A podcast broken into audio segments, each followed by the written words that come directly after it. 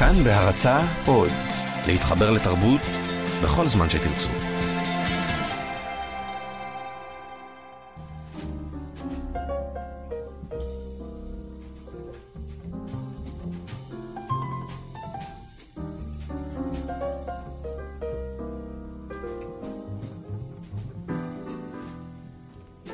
שלום לכולם, ברוכים הבאים להתבודדות, כמדי יום שישי, כאן באולפן עמיחי חסון ויאיר אסולין. אהלן, צהריים טובים. ואנחנו, אה, כדרכנו, אה, נצא לנו למסע התבודדות אה, המוני בין טופק, הרצל, אתי אנקרי וסבתא שלי. סבתא של יאיר, בית החולים גאה, ועד לאן שעוד נספיק את השעה הקרובה. אה, אבל נפתח דווקא בטופק. כן, אגיד לך את האמת, השבוע הזה מבחינתי, דווקא בגלל שהוא היה כל כך עמוס מבחינה, לא יודע אם לקרוא לזה לאומית, אבל כל השיח הזה של הצוללות וה... והמחאות והתחושה שה... שדברים זזים ואתה מפחד, אותי הוא הבריח מאוד מאוד לפרטי, בחשיבה, כנראה זה גם החום הזה והשלושת השבועות שמלווים אותנו כאיזה לייטמוטיב לתקופה הזו, וה... תחושה כזאת של משהו שמכניס אותי פנימה. ואיכשהו בתוך כל הדבר הזה, בתוך התחושה הזו, בתוך החנק הזה, יצא שראיתי את הסרט הזה על טופק. טופק, מי שלא הזה, מכיר... על מה אנחנו מדברים? כן, כן, בדיוק. ניתן את הרקע. קודם כל, טופק, מי שלא מכיר, אז אה, מגדולי אומני הראפ של אה, תחילת שנות התשעים, ובעצם מאבות המהפכה הזו. אבות המהפכה של הסגנון, של השפה, ואולי בעצם מהראשונים אולי הראשון, אני חושב אפילו, שנכנס למיינסטרים. גם, וגם צריך להגיד שהוא יושב על אריסטוקרטיה של uh, המטרים השחורים, כלומר זה ראפ מאוד מאוד מודע, uh, בניגוד נגיד לדברים שקרו לפניו, uh, ראפ שנעשה מתוך מודעות פוליטית מאוד מאוד גדולה. מודע, אינטלקטואלי, כן. במובן, אנטי-אינטלקטואלי, אבל מתוך אינטלקטואליות. מתוך אינטלקטואליות גבוהה וסופר אינטליגנטית. Mm-hmm. ואני חושב שהוא בעצם האייקון הכי גדול של אה, שנות התשעים בז'אנר הזה. יכול להיות שאני טועה, אבל מה שאני... כן, בדיוק, לא בטוח כיוצר, כיוצר אבל, אבל כאייקון הוא... הוא לחלוטין, אולי אחד מגדולי האייקונים עד היום, וממילא הראפ כבר התרחק ממנו, כלומר, כבר לא נמצא שם ב... כן, במחוזות האלה. במחוזות האלה, כן, ויצא לי לראות את הסרט הזה סתם כי הדמות שלו מעניינת אותי. אבל בעצם לא על טופק אני רוצה לספר בפתיחה של ההתבודדות שלנו. אלא על איזושהי חוויה שמאוד קשורה מבחינתי לטופק. והיא זורקת אותי, אני חושב, לתקופה של, אה, של התיכון, אפילו קצת לחטיבת ביניים, תיכון, משהו כזה. אלה השנים שבהם טופק, אה, ב, הוא כבר נרצח, טופק צריך להגיד, נרצח בגיל 25. הרצח שלו זה איזושהי תעלומה כזו שמלווה את כל המרחב. ואצלנו בשבט, בבני עקיבא, היה איזה בחור אחד, שלא למד איתנו ב...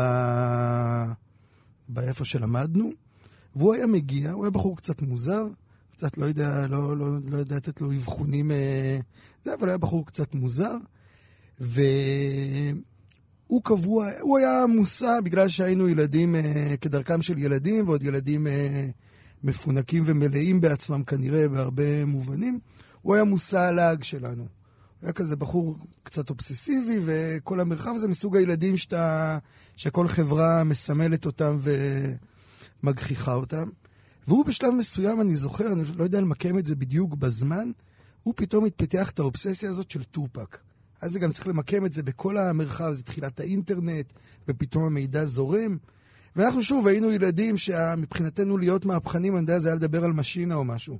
כלומר, זה היה... ארבע מסימ... דרגות מעל. כן, זה, זה המשינה הזה זה כאילו מסימני הדור שלנו, של הציונות הדתית, של אז, של כל הפנטזיה הייתה שמשינה תתאחד, כמה זה פתטי היום.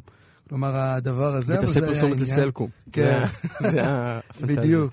לא, אני זוכר את ההופעות איחוד האלה של משינה, זה היה כאילו, זה משהו מהפכני, החיים השתנו. אבל לא משנה, בתוך כל המרחב הזה של משינה ושל משהו מאוד...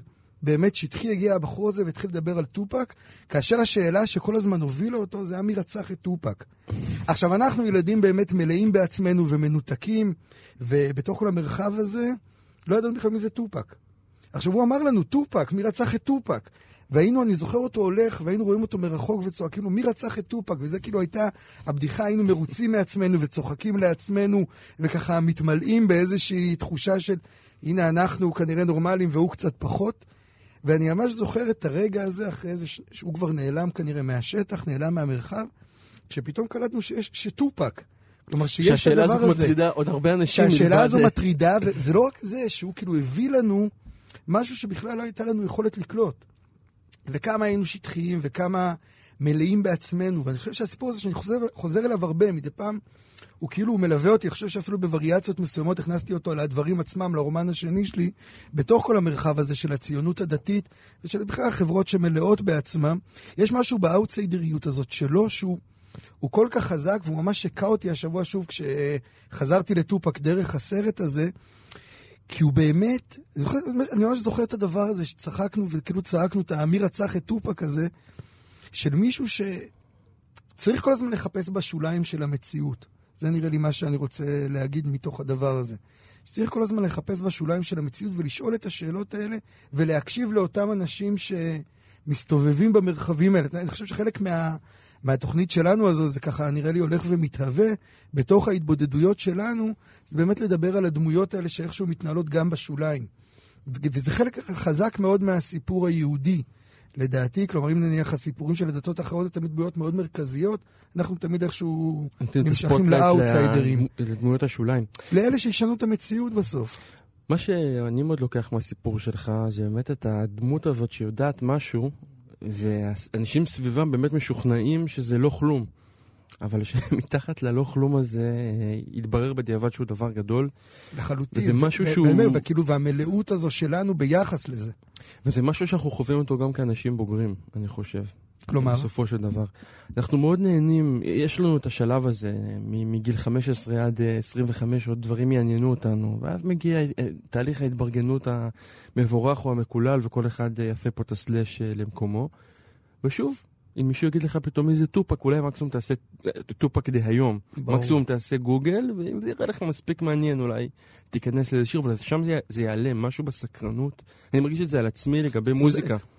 שאני הרבה זמן לא שמעתי מוזיקה חדשה טובה, ואנשים שסביבי ואני מתלונן, אז כאילו אנשים מגיעים, יש להם את ההנהון הסכמה כזה, כן, באמת, מצב לא משהו, ואתה שואל, אני שואל את אחי הקטן. קורים דברים בעולם. מה שומעים היום? קורים דברים בעולם, אני פשוט אה, אה, לא מסוגל להבין שהם דבר גדול. אני חושב שזה כבר מה שאתה מסמן, זה חלק מהבעיה של התרבות הישראלית בכלל, שאין תחלופה. כלומר, שלמה ארצי הוא ממלא את קיסריה כבר 20 שנה. שלמה ארצי הוא מוזכר מדי כן. בתוכנית הזאת. ואנחנו דווקא מחבבים אותו, צריך להגיד, אבל... כסמל אה, לא, ועניין. כמו משינה בהקשר הזה, אותו כן. דבר. אבל כן ככה, לפני שנצא לשמוע את טופק באמת, ואת Changes, לא בגרסה לא זו שהתפרסמה באלבום, כי העורך שלנו, נדב אלפרין, רוצה להביא לנו גרסה אחרת חשובה הרבה יותר. מסתבר. מבחינת אין בית מדרש ללא חידוש, כן? בדיוק. זה דבר חשוב. זה החידוש הגדול. רק לפני זה, באמת אני רוצה להגיד שאולי באמת הסיפור הזה הוא המשל הכי טוב להגמוניה ולכוח המנוון שלה, כמו שאתה אומר, ש... שצריך להיזהר ממנו מאוד. טופק. things will.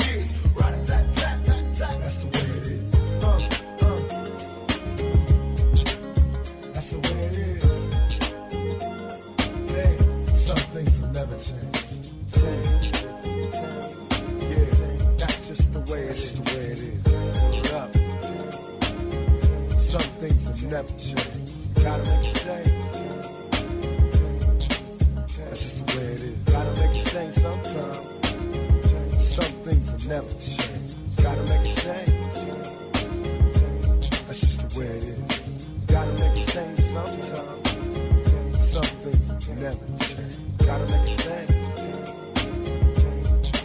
That's just the way it is. Gotta make a change sometime. Some things they gotta change. Gotta make a change. Change. Gotta learn to change sometime.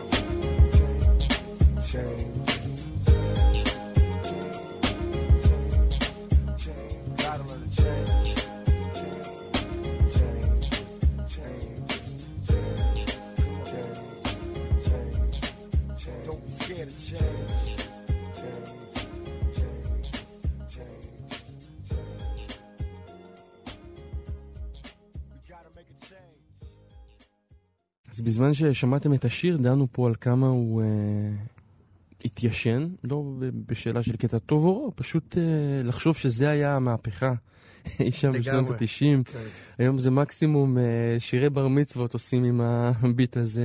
לא, אולי גם אז לא, זה היה שירי בר מצוות באיזושהי צורה, לא? לא, למה? זה זה היה... אני היה, שזו היה, היה של טופק. המהפכה. אה, אני חושב שהגדולה שלו הייתה באמת ההנגשה הזאת. פתאום נהיה לך איזה משהו שאתה יכול לשמוע אותו בבר מצווה. Mm. מבחן הבר מצווה. מבחן הבר מצווה בואי. כן. אוקיי, אנחנו נעבור לעוד מישהו שטיפה התיישן, אה, טיפה. חנות לו במוזיאלים אה, על שמו, בהר שנקרא על שמו, קוראים לו תיאודר הרצל.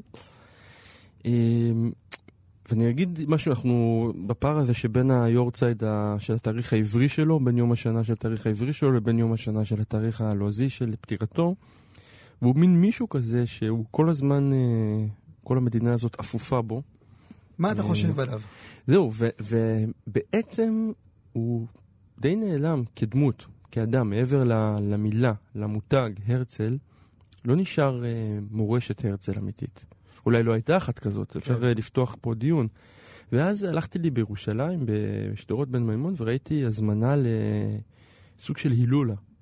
ראיתי את זה. הרצל, ראית את זה? כן, כן. וזה עשה לי כזה קווץ' כזה, ואז אמרתי, האמת שזה נורא מרשים. כלומר, זה שמישהו חושב לעשות איזשהו אה, הילולה, התוועדות, איזשהו רגע שבו מעלים את האדם ולא את הרעיון, את האדם שהוא היה, ומזכירים שהיה פה איזה בן אדם, הוא רגע מאוד מאוד חשוב. ונזכרתי בקטע של עמוס קינן, קצר, שאני רוצה לקרוא ולדבר עליו קצת, מתוך אחד הספרים הכי יפים של עמוס קינן, שנקרא שושנת יריחו, שהוא מעין איזה כתב הגנה.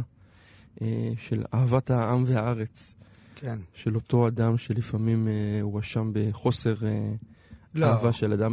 אה, בפקפוקים. אה, של אדם. של אדם ושל... לא, ה- את ושל הארץ ה- הוא אהב את חזק. הארץ הוא אהב, אבל אני חושב שגם אה, ככל שהוא הקצין פוליטית למקום השמאלי, עלו השאלות האלה, יש את זה גם בסרט שם של קירשנבוים. אל בורות אה, המים. עם נעמי שמר, והוא איזה מין טענה כלפיו, כאילו, אתה לא מספיק.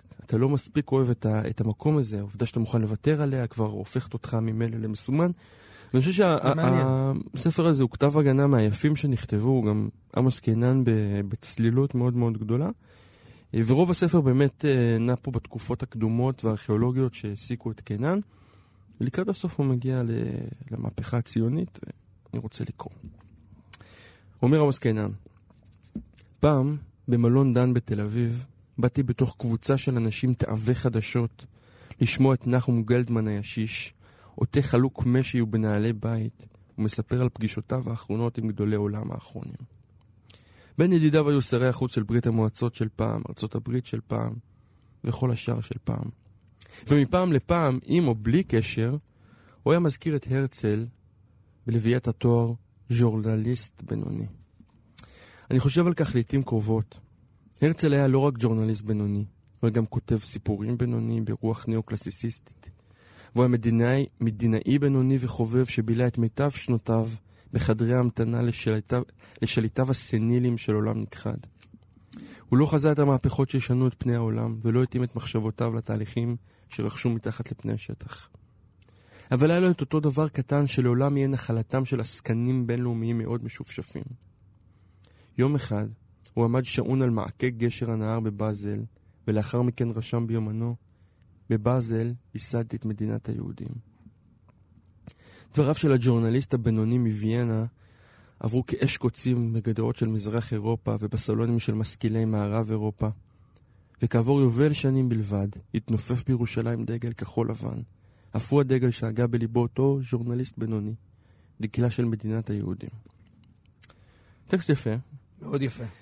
אמ, שלא מפצח את זה עדיין. כלומר, הוא אומר בעצם את האמת, הרצל היה... מה הוא מסמן, אתה חושב? אני חושב שהוא אומר פה דבר מאוד מאוד פשוט. אנחנו... הביוגרפיה של הרצל לא מעניינת בעצם. כלומר, הרצל האדם, אה, אני אגיד את זה אחרת, בבחינת אה, פרפרזה על מאמר תלמודי, יש קונה עולמו בשעה אחת. נכון. אה, וזה זה בעיניי התמצית של מה שעמוס קינן מנסה להגיד כאן. כלומר, יש פה... אפשר, לד- הוא אומר, באמת, נחום גולדמן, אגב, אה, מראשי הקונגרס היהודי האמריקאי, וראשי... עסקן פוליטי של, אה, של אה, תחילת ואמצע המאה הקודמת. הוא צודק, באמת עיתונאי בינוני וסופר בינוני ו- ומדינאי בינוני ואדם שפספס הכל, ואף על פי כן, Who cares? כן, זה נעלם ונאבד וזה חסר משמעות אל מול השורה האחת היחידה המושלמת הזאת, בבאזל ייסדתי את מדינת היהודים. אני חושב שיש לנו איזו תאווה, אה, והיא תאווה כזאת אה, ציונית אה, מהכיוון השני, שהמנהיגים יהיו שלמים וחשובים וחד משמעיים, חד משמעיים ורבי זכויות לכל אורך דרכה, ובאמת כל הביוגרפיות הפוליטיות שאניטה שפירא כותבת זה אותו סיפור פחות או יותר. כמה ברנר גדול וכמה בן גוריון גדול וכמה... והכל נכון. ויש עוד מודל, ויכול להיות שאנחנו חווים אותו עכשיו, יכול להיות שנחווה אותו עכשיו עם אדם לא מאוד מאוד חכם שנמצא בראש המעצמה הגדולה בעולם. שכל הדברים האלה יהיו טפלים לעומת מעשה אחד גדול אחד שהוא כן יעשה. ואני חושב שהיכולת הזאת לפרק את המציאות ולהגיד, בסדר, הוא לא מי יודע מה. אבל יש לו את הרגע הזה, יש לו את ה-15 דקות התהילה האלה שהם נצח עבורנו, הן מאוד מאוד גדולות. זה מעניין, כי באמת ה... בתנועה הציונית, בסופו של דבר, נפתלי הרצימבר זה בדיוק אותה דוגמה של אותו בן אדם, שגם היה משורר בינוני מאוד, אבל איכשהו ברגע אחד, בית אחד מתוך שיר, ארוך כאורך הגלות, שהוא כן. כתב, שהוא כתב אותם בשביל בעצם לקבל אלכוהול, כלומר זו הייתה העסקה, הפך להיות ההמנון הלאומי וכולם יודעים מי הוא וכולי. השאלה היא אבל בעצם אם זה המבחן האמיתי. השאלה, מה, מה, השאלה אם יש בכלל מבחן. כי מה זה הקונה עולמו בשעה? בעצם בא להגיד שזה לא משנה איך אתה קונה את העולם, העיקר שקנית. אני חושב שזה, מה, שמבח... מה שאני תופס שם, אגב, אני רק אגיד שיש אה, פירוש אלטרנטיבי, הרי אה, לפני שאומרים, אה, לפני שאומרים יש קונה עולמו בשעה אחת, יש שם רבי יושב ובוכה. נכון? בחר רבי ואמר, יש קונה עולמו בשעה אחת. יש על זה ויכוח, האם זה נאמר ב... בציניות? כלומר, האם רבי בכה ואמר, איזה שיט? מה, אתה יכול כל החיים שלך לעשות שטויות ותאוות ובעיות קשות? סימן שאלה בסוף, אתה אומר. ובדקה אחת לקנות את העולם, או, או הפירוש הרמב"מיסטי יותר של ראו כמה גדולה אה, התשובה, שאתה כן. יכול לחיות את כל חייך בטעות ובדקה אחת של קורת רוח אה, לקנות את העולם. אבל אני חושב שמה שיש, מה שאותי תופס פה, זה עד כמה אתה יכול להיות אה, הוגה אה, מדהים, אה, שלם, יפה, שבאמת אפשר לכתוב עליו ביוגרפיה נהדרת, ולא לעשות כמעט שום דבר שיש לו איזושהי משמעות אתה עסוק פרקטית הרבה בעניין הזה בעולם. של העשייה. כן, אולי כי אני לא איש עשייה, אולי בגלל זה זה מושך אותי, אבל אני חושב, יש בי המון המון הערכה לרגע הזה שבו משהו אה, מתורגם לכדי מציאות. ולא נשאר רק באיזה פנטזיה. כי כמו הרצל, היו פנטזיונרים לפני ואחרי, אנחנו חיים עם פנטזיונרים היום. אני בעיקר לוקח כאילו מהטקסט הזה של קינן את גולדמן. יושב שם באיזה... חלוק משי. מרט... כן, וזה- וזה, וה... היכולת של, האשליה של השפה, אני חושב שזה גם נראה לי מה שמקפיץ אותו, כלומר היכולת לבטל בן אדם, כולנו מכירים את זה, את אותם כאלה שלא כל כך הצליחו, אבל יש להם עדיין את כאילו הבחנות מדויקות על אותם אלה שהצליחו וליכולת להקטין אותם. ואל מול הדבר הזה, באמת כמו שאתה אומר, כאילו בסוף הדגל הזה, או כמו שהוא אומר וגם אתה אומר, כלומר הדגל הזה שמתנפנף בירושלים וההר הרצל הזה וכל המרחב, זה כאילו הסיפור. והשאלה היא, אני, אני בס... בהפוך על הפוך, אני רוצה כאילו, אני מזדהה מאוד עם הדבר הזה, ולכן אני רוצה לשאול את עצמי, האם אולי עדיין יש ערך ב... בעשייה המשמעותית? בסופו של דבר זה שהיית ז'ורנליסט בינוני, וזה שהיית גם בן אדם בינוני, וזה שכילית את חייך בכל מיני דרכים. אגב, הביוגרפיה של הרצל היא לא באמת מסתכמת בזה, היא ביוגרפיה יותר מעניינת. אבל הדבר הזה, האם כן יש לזה מחיר? האם בסופו של דבר, כלומר, גם התוצר שיוצא מזה, הוא יש בו משהו שהוא לא מספיק מדויק ולא מספיק טוב. כלומר, ואני... כמו העולם. נכון, בסדר. ואולי לא- הבעיה של האנשים המ- המתח האחרים... הזה, זה קצת עכשיו דיברנו בהקשר אחר כן. מקודם, כלומר, על, ה, על, היכול, על השאיפה לייצר משהו שלם, זה מצד אחד, למול הדבר הזה שאתה רץ עם החיים כאילו קדימה, והאיזונים ביניהם, כי בטוח שצריכה להיות נקודת איזון בעיניי. כלומר, זה, לרוץ קדימה סתם זה נראה לי לא נכון, וגם לא לעשות, לכתוב את הרומן הגדול שלך כל החיים ואף פעם לא להוציא אותו, זה גם לא אטרקציה. כלומר, איפה נקודת האיזון הזו, זה דבר שאני לא, לא בטוח שאני מבין אותו עד הסוף. וששווה לפחות אה, להשקיע בו מחשבה. מחשבה. אז נצא לעוד חלום?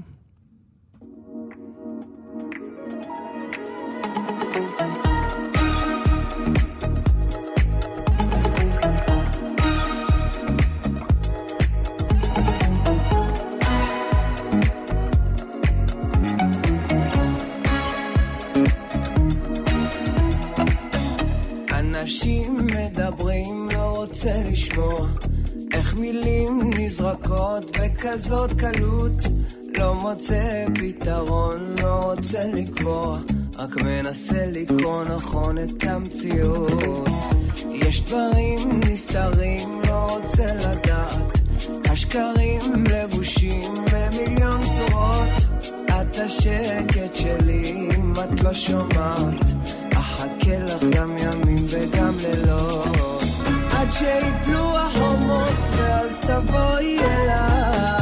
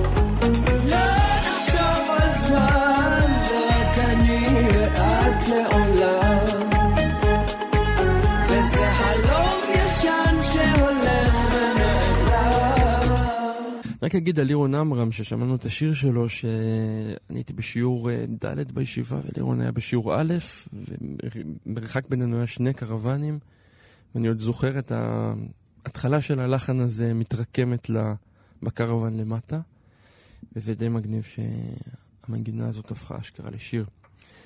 אמ, יצא השבוע דבר מאוד מאוד מאוד מוזר, מסוג הדברים שאני לא הצלחתי להבין במשך כמעט כל הצפייה בהם, האם מדובר בפרודיה, במשהו רציני, במשהו מודע לעצמו, באיזה פרק שיצא משליטה של ארץ נהדרת, ב... מה זה?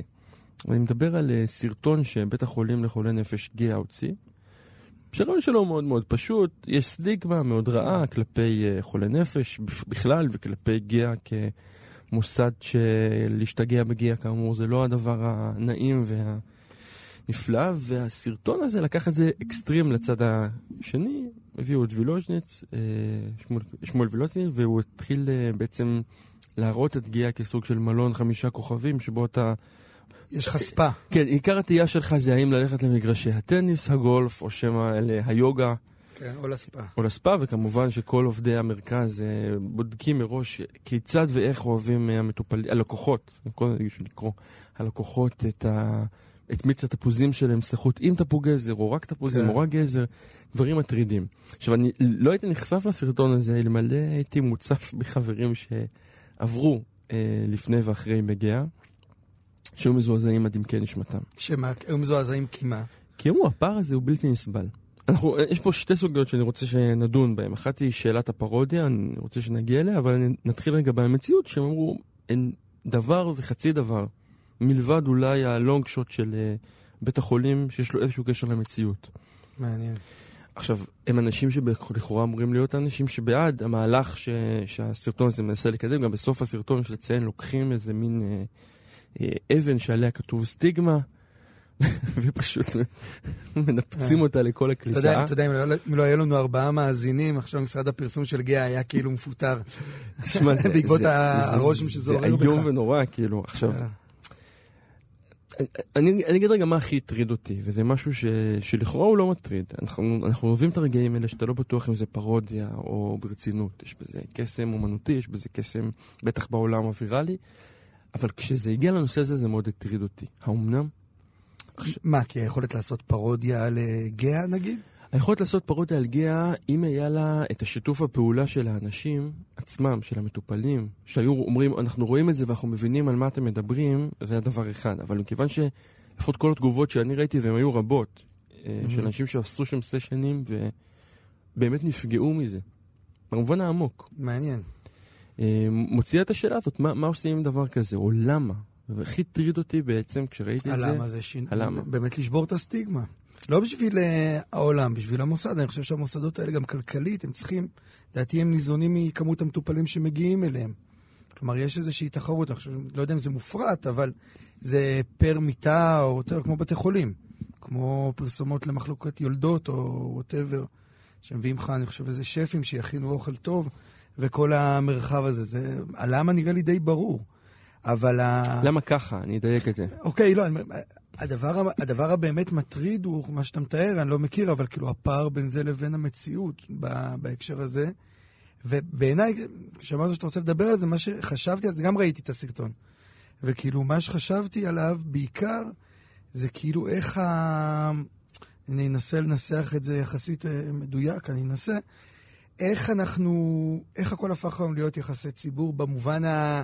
החולה של המילה. כלומר, החוסר קשר בין זה לבין המציאות הוא הדבר הזה. כלומר, אני רואה אנשים יושבים ואומרים, במקום שנשפר, בואו נעשה סרטון תדמית, נסגור את העניין הזה. אותו דבר, אגב, הפרסומות האלה על המשטרה שיש עכשיו. אתה רואה את אותה שוטרת שמצילה את האימא ואז רצה להציל את ההוא מהאוטו, וברקע, וכל הסלואו מושן וכל המרחב הזה, שבסוף, בסוף, בסוף, בואו נשפר את ההתנהגות, יהיה בסדר. כלומר, כן. המסר אה, יחלחל. וכנראה אני חושב שזה אותו דבר לגבי גאה. כלומר, ה- היכול, המחשבה שאפשר, אולי זה נראה לי נקודה. המחשבה שאפשר לעשות מניפולציות מאוד מאוד בקלות על בני אדם. זה נראה לי העניין. יש פה יוהרה מאוד מאוד גדולה בסרטון הזה. ובסרטונים מהסוג הזה, כלומר, בתרבות של סרטוני תדמית, לא יודע, אולי פעם אפשר לדבר על הקשר בין אה, צמיחת בתי הקולנוע לכמות סרטוני התדמית ש... אבל, אבל מה שמדהים פה, שנוצרים. יאיר, זה שזה כאילו אה, מתחכם על זה. כלומר, נכון? יש פה איזו התחכמות, אני ממליץ לכם כי לראות. אתה מביא את כי- וילוז'ני וכל המרחב הזה של ההומור. של. ההומור, ואז אתה אומר, אוקיי, זה אמור לעבוד. ולא רק שזה לא עובד, זה פשוט עושה לך איכס בתוך הבטן, כי אתה אומר, תתייחסו לזה ברצינות, רבותיי. אני חושב שהאיכס אבל הוא גם בגלל שכבר כאילו, גם אתה, אתה, אתה, אתה ודאי צופה מודע, אבל אני חושב שהרבה מהצופים כבר כאילו קלטו את הקטע. כאילו הבינו את המניפולציה של הדבר הזה, הבינו שמישהו מנסה למכור להם משהו באופן לא ישר, ולכן זה כאילו מעורר את, ה, את הדחייה הזו. ככה בעיניי, אני רואה, אני יושב עם אנשים, רואים טלוויזיה, רואים את הפרסומות. הפרסומות שהיום הכי עובדות, וזה הדבר שאנשים מסרבים לתפוס, זה דבר מדהים אגב, שאנשים מסרבים לתפוס את זה, בעיניי לפחות, כמי שמתעסק במרחבים האלה ובלספר סיפורים, היום המטבע הכי חזק היום זה באמת להגיד את האמת. ולהציף את האמת, לבוא, אתה רוצה לשנות את הסטיגמה של גאה? קודם כל תשנה, תשנה אותה תשנה באמת. את גאה, כן. תשנה את גאה, וגם אחר כך תראה לנו גם כמה לא כזה מושלם שם. ואיך בתוך הדבר הזה כן מנסים לשנות בניואנסים קטנים. בעיניי זה. אם היו עושים קמפיין כזה, האימפקט שלו היה הרבה הרבה הרבה יותר חזק. אתה רואה פרסומות שכן הולכות על המקום הזה? שבו בו אנחנו מגלים טפח, אה, חושפ, אה, חושפים טפח, כלומר, אני לא, לא, לא, לא, לא יודע עכשיו לתת דוגמאות ספציפיות, אבל אני מרגיש שכן, שדווקא במרחבים הוויראליים יש משהו בכנות, או ביכולת כאילו להישיר, להישיר מבט, שכן, שהוא עובד, שהוא גורם, הוא מפעיל אנשים היום הרבה יותר חזק, כי אנשים מחפשים את זה. אפילו כמהים לזה באיזושהי צורה. כלומר, משהו במחשבה הזו, שהיא אפרופו, אני חושב, זה מעניין, כי היא אפרופו כל מה שקורה עכשיו. היא אפרופו סיפור הצוללות, ואפרופו כל המרחבים האלה, יש משהו בזה שאנשים איבדו את הסבלנות כלפי המניפולציה. עכשיו, שלא ישתמע שאמת זו לא מניפולציה, זו מניפולציה. אבל מסוג אחר ש... תחת קטגוריה כלומר, אחרת. אני רוצה להגיד שאנחנו לא מדברים פה בשיפוט מוסרי, כמו שאנחנו מדברים על אה, חוסר ההבנה והאוטומטיות שלה לייצר את הסיפורים האלה. אפילו תחשוב על כל ה...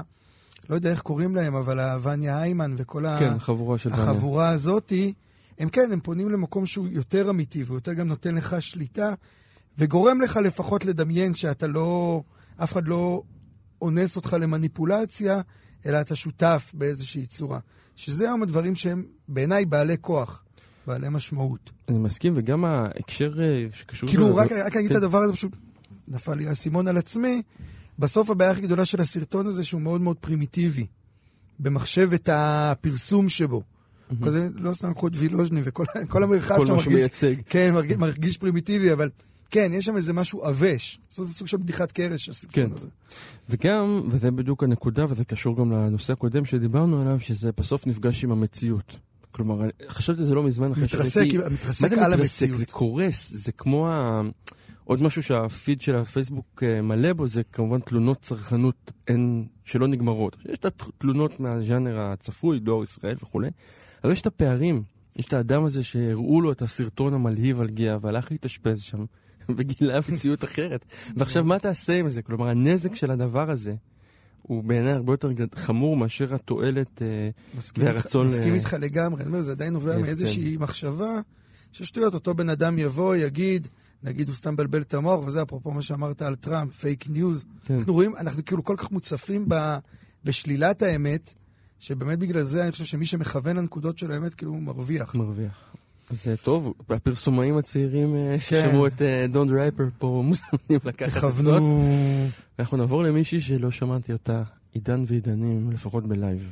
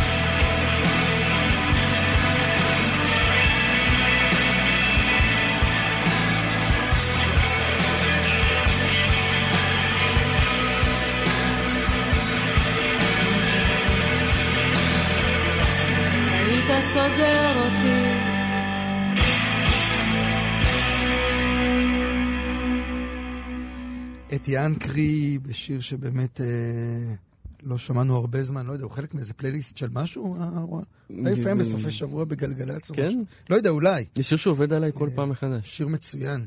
מי כתבה את המילים? אני לא יודע. כשל. אבל כן, זה טקסט, אה, טקסט חלק, ושיר אדיר, זה נראה לי. זה שלה, נכון? והיכולת שלה בכלל... אה, זה 92, משהו כזה. תחילת שנות ה-90, ואני חושב שיש לה פה אנרגיות שאני לא מכיר. לגמרי. אה, לא שוחזרו אחר כך. גם האנרגיות שלה, עיבוד מעולה. כן, שיר שעובד, אה, אולי בימי זיכרון כנראה. הוא- ימי זיכרון? כן, יש בו, אני חושב שהוא חלק מהמרחב שלי עם יום הזיכרון, לא? רגע, נדב, אתה בתור... לא, לא, אה, לא הייתי מקשר בוגר את זה ליום גל"צ. הזיכרון. זה חלק מהמרחב של יום הזיכרון, לא? טוב. טוב, נדב רק מתחמק מתשובה משום מה, לא יודע אם יש בזה... מה זה אומר לנו? בכל מקרה, אני רציתי קצת, הש... היום, יום שישי, כלומר, זה היארצייט של סבתא שלי, סבתא אסתר, אה, שנולדה במרוקו והתחילה להקים שם משפחה והמשיכה בעכו, ואני רוצה לדבר עליה קצת. רוצה לדבר עליה כי יש בה משהו, מאוד אהבתי את סבתא שלי, סבתא אסתר, אבל היינו בהרבה מובנים אנשים שונים. מתי נפטרה רק? היא? נפטרה לפני משהו, שמונה, תשע שנים, אני חושב, לא, לא יודע בדיוק, שזה פדיחה בפני עצמה, אבל אני חושב שזה מקווה שלא שומעים אותך פה. האנשים שלך. לא, כי, כי אני חושב שזה פחות העניין. אני, יש לי, אני פחות זוכר תאריכים של יארצייטים בכלל. כי יש משהו בדבר שלה, עשינו ב, באזכרה. באזכרה שלה בעצם יש את הרעי... היה, היה רעיון לדבר על איפה אתה נזכר בה במרוצת השנים.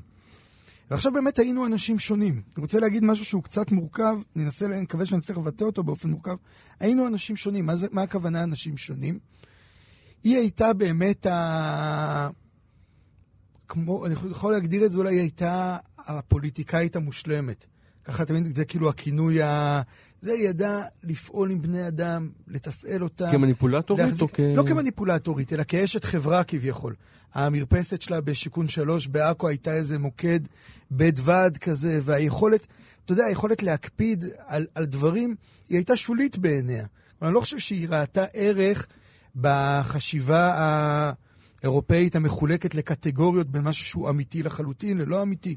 זה גם הסטורי טלרית שהיא הייתה, הייתה מספרת לנו סיפורים נהדרים, שהקשר בינם לבין האמת הייתה, הייתה מופרכת לחלוטין. היא הייתה. לבד? אני רק מנסה לייצר פה איזה תמונה.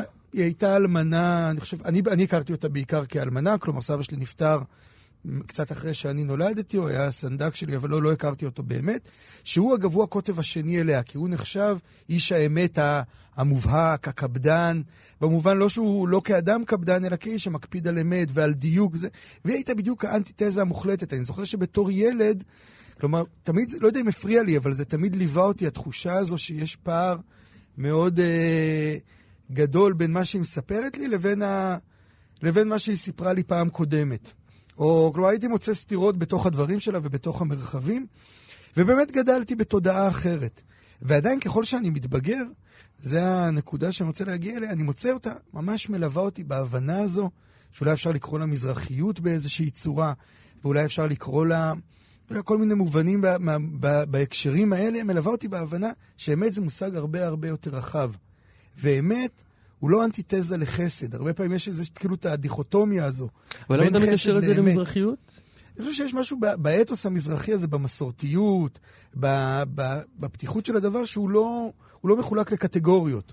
כלומר, אם אני חוזר היום לכל ההבנה הזאת של יהודים ערבים, והשיח הזה, וסבתא שלי, סבתא אסתר, בהחלט הייתה יהודייה ערבייה במובן העמוק. כלומר, כשהיא, בעיר העתיקה כמובן, החבר, בעכו החברים שלה היו ערבים, וגם כשהייתה מגיעה לבתי חולים, זה היה דבר מדהים. תוך איזה עשר דקות הייתה מאושפזת בנהריה, שזה המון משפחות של אה, ערבים. תוך איזה עשר דקות היית רואה את כולם מסביבה, מספרת להם סיפור בערבית, וכולם מתמוגגים, ואחרי שהייתה הולכת, אחרי שהם היו הולכים, היא הייתה מסננת יימח שמם. זה, זה, חלק מהמרחב הזה, זה חלק מהטרגדיה הזו של היהודים ערבים. אולי לא הייתה מקבלת גם את המושג הזה של יהודים ערבים, אבל ברור שהיא הייתה איך. אתה מתייחס למושג הזה? אני חושב, שהוא מושג, אני חושב שהוא מושג מאוד אמיתי, הוא לוכד, הוא לוכד משמעות מאוד מאוד עמוקה, והוא לוכד גם טרגדיה. אבל בהקשר כלומר, שלך, כי- אני רגע מנסה האם- האם להפריט יהודי? להפריט לא. את אה, סבתא זה- שלך אליך. זה בדיוק, אני חושב, האנשים השונים הזה, שאני פועל יוצא של חינוך אשכנזי בסופו של דבר, של מערכת חינוך כזו, של תודעה אירופאית, של חלוקה לקטגוריות, שאני אומר, אצל סבתא שלי זה לא היה קיים בכלל. החלוקה הזו לא הייתה קיימת, והאינטראקציה בין בני אדם זה מה שהיה חשוב. ולכבד את הבן אדם שמולך, וזה גם דבר מזרחי מאוד מאוד חזק, הייתה לי על זה שיחה עם מאיר בוזגלו לא מזמן. ההבנה הזו שאתה צריך לכבד את הבן אדם שמולך, בלי עכשיו לשפוט אותו, יש בה משהו עמוק ומאוד מאוד מאוד חזק. והוא באמת, אפרופו היארצייט שלה, אני חושב שזה דבר שחשוב לי לקחת ממנה ולהציף אותו. צריך לדבר על יהודים ערבים ויארצייט, אבל יום השנה שלה. כלומר, לקחת את הדבר הזה ולהציף אותו, כי הוא מאוד מאוד מאוד חשוב, והוא מאוד מאוד חסר פה, אני מרגיש. והוא חסר גם לי. כלומר, אני מרגיש שהוא מלווה אותי, אז אנחנו לנצח נישאר אנשים שונים, אני והיא. כי בסוף התפיסה והעולם שבו אני חי וחושב הוא אחר, ואני כן חושב שיש ערך לאמת, ויש דרך, ערך גם לייקוב הדין את ההר במובנים מסוימים, אבל עדיין משהו בעולם הזה שלה, ואני רואה את זה הרבה במערכות, שכאילו, כשאני עובר במערכות, שיש משהו בקסם הזה שלה. הייתה יושבת במרפסת, והן היו באות כל החברות. ואתה יודע, היו מדברים על שום דבר. והיו... לא רק שמדברים על שום דבר, היו מדברים על, על ההפך ממה שדיברו אתמול. וזה לא משנה. כי מה שמשנה זה באמת.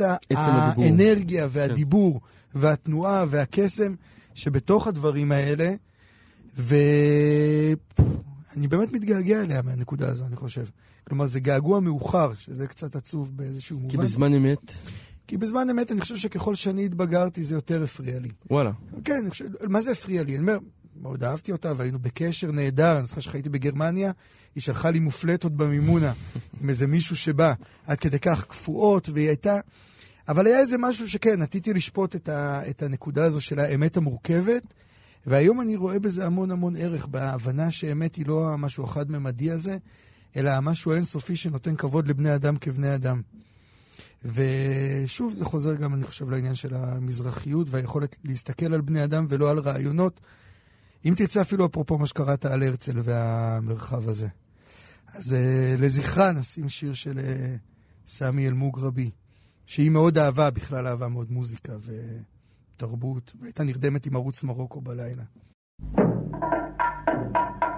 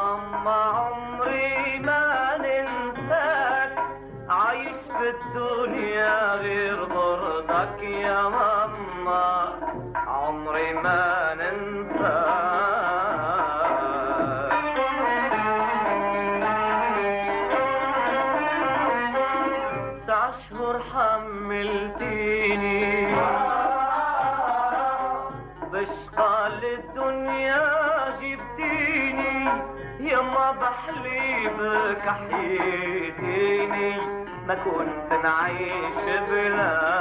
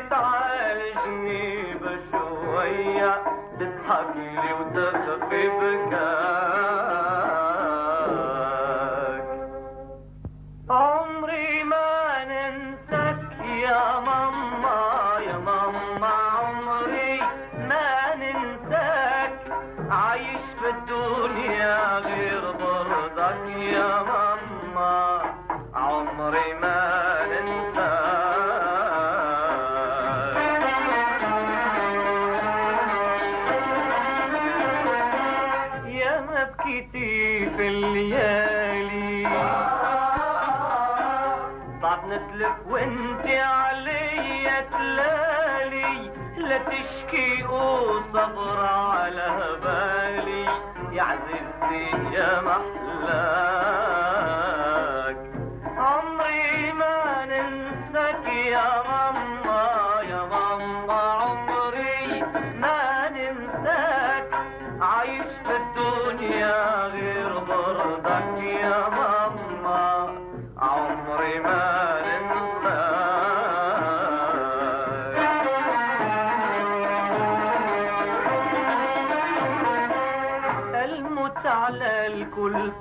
تقضي في ساعتك شعل وجمر في كبدي ما زلت الدمعة تسيل على خدي بوقاتي نتفكرك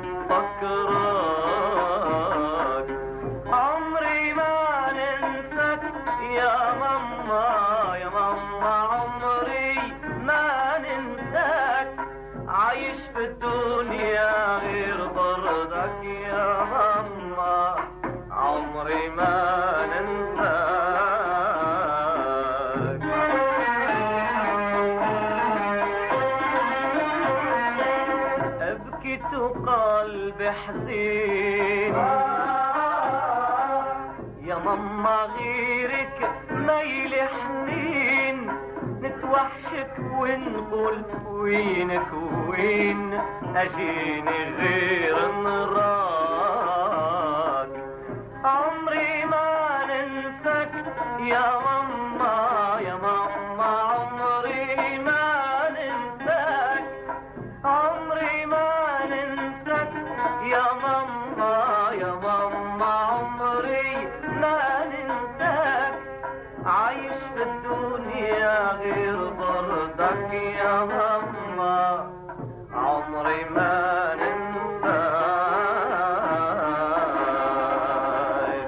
אז עם ערוץ מרוקו אנחנו נסיים ונגיד אה, תודה רבה לנדב אלפרין אה, שערך אותנו ואף אה, השתלט פה על סדר השירים והכפתורים.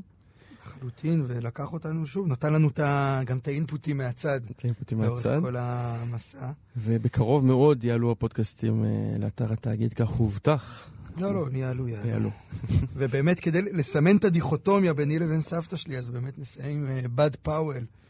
I should care, אחד מה... בד פאוול טריו, צריך להגיד. טרק נהדר. אם חשבתם אה, שתמלטו משיעור כן, הג'אז השבועי, בדיוק. לא, לא, לא. הפעם. לא נמלטים. שבת שלום. שבת שלום.